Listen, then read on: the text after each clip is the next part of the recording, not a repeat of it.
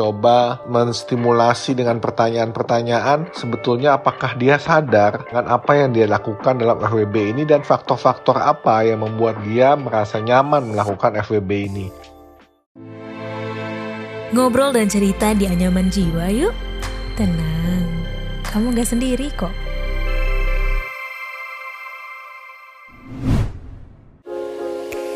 Kamu tidak percaya diri dengan penampilanmu? Podcast Semua Bisa Cantik hadir untuk membantu mendefinisikan dan merangkul arti cantik yang sesungguhnya. Dengerin podcast Semua Bisa Cantik dari Media by KG Media dan Stylo Indonesia di Spotify. Halo, ketemu lagi dengan saya, Dr. Darmawan A. Purnama, PhD. Saya psikiater dan founder dari Smart Mind Center Consulting. Di episode kali ini, saya secara spesial langsung berbicara mengenai mental health di podcast Hanya Menjiwa. Podcast yang berbicara mengenai kesehatan mental individu. Mulai dari ranah pekerjaan, hubungan percintaan, dan juga sebagai makhluk sosial. Dan episode kali ini saya akan membahas apakah benar Friends with Benefits yang disingkat FWB merupakan gangguan mental. Sebelum mendengarkan obrolan kali ini, eh, jangan lupa ya follow dan beri rating terbaikmu untuk podcast Anyaman Jiwa di Spotify. Serta nyalakan notifikasinya ya, supaya kamu bisa terinfo setiap ada episode terbaru yang tayang di hari Rabu dan Jumat. Oh ya, kamu bisa membeli buku saya yaitu Pembaruan Logoterapi Viktor Frankl, Pencarian Makna Hidup melalui Interpretasi Hermeneutika Naratif Restoratif di e-commerce. Jika kamu suka baca secara digital atau versi softbooknya, bisa kamu beli di Play Store. Nah, di ibu kota sudah banyak yang tahu istilah FWB ini.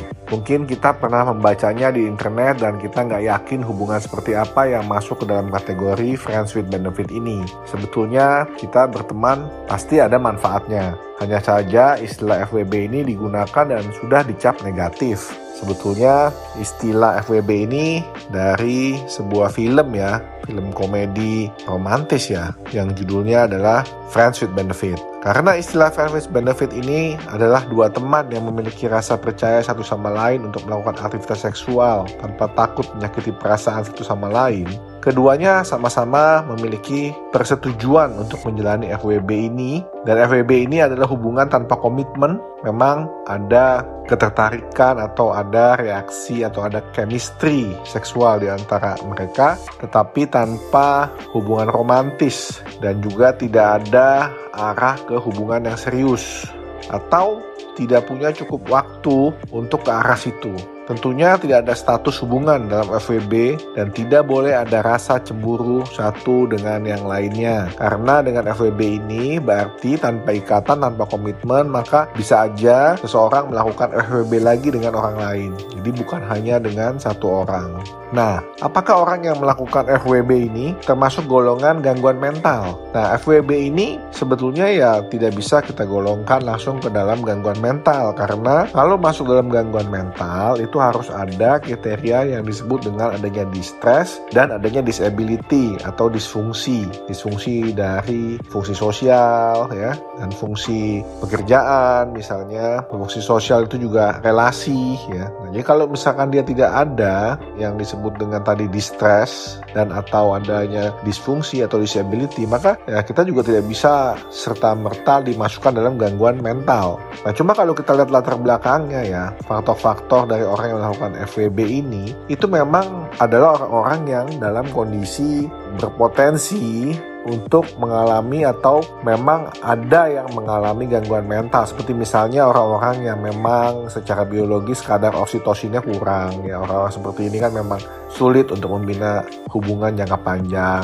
Kemudian orang-orang yang memang punya trauma masa lalu takut berkomitmen dia punya kecemasan. Untuk mengatasi kecemasannya otomatis dia akan memulai hubungan tanpa komitmen ya. Jadi bisa aja bahwa ada yang melatar belakangi yang menjadi faktor setiap orang itu untuk melakukan FWB ini ya selama dia punya hubungan pertemanan dan kemudian juga ada chemistry seksual maka dia bisa melakukan FWB ini dan juga melakukan hubungan seksual tanpa ikatan atau tanpa romantisme dan tanpa ekspektasi yang lebih daripada sekedar teman dekat yang melakukan hubungan uh, seksual ya. Jadi teman dekat di sini dia mempunyai mungkin aktivitas bersama ya, mempunyai hobi bersama, sesekali menghabiskan waktu bersama.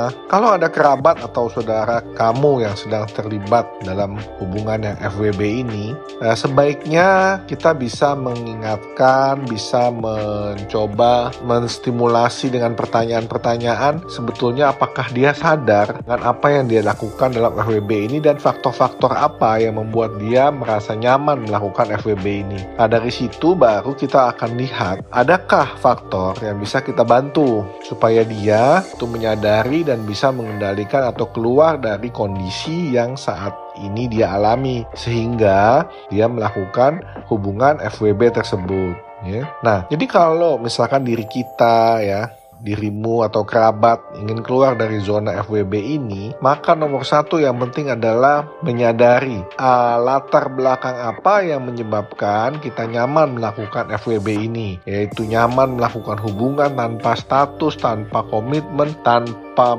planning jangka panjang ya tetapi tetap melakukan hubungan seksual. Nah, ini pun hati-hati dengan yang disebut dengan penyakit menular seksual karena ingat bahwa FWB ini bisa saja terjadi bukan hanya pada satu pasangan seksual tetapi bisa pada beberapa pasangan seksual.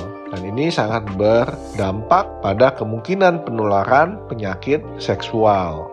Jadi nomor satu kenali, sadari.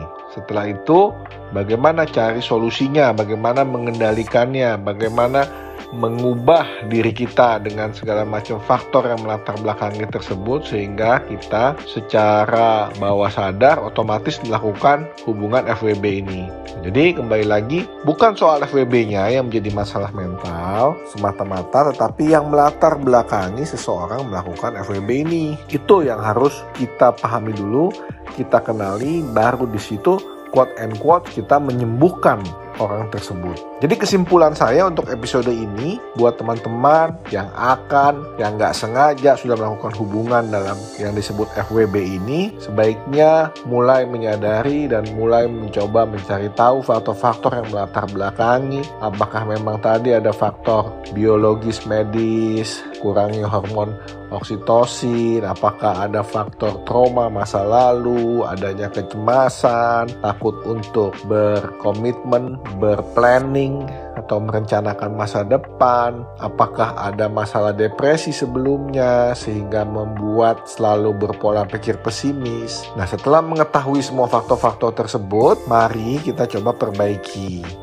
Ingat, mengatasi masalah tanpa masalah. Jangan sampai nanti hanya untuk kebutuhan ini, kemudian muncul masalah-masalah baru dari hubungan FWB ini, termasuk masalah pidana karena melakukan hubungan seks di luar nikah. Ya, harus hati-hati. Oke, terima kasih buat kamu yang sudah mendengarkan episode Anyaman Jiwa kali ini. Dan buat kamu yang ingin berbagi cerita tentang kesehatan mental ke saya, boleh banget kirim ke email podcast at kgmedia.id atau bisa DM Instagram saya at darmawan psychiatrist dan at medio by KG Media. Selain itu, jika kamu mau konsultasi secara langsung, bisa juga kunjungi www.konsultasipsikiater.com dengan podcast menarik lainnya dari Anyaman Jiwa di Spotify. Saya Dr. Darmawan Apurnama PhD, psikiatris, psikiater, pendiri Smart Mind Center Consulting.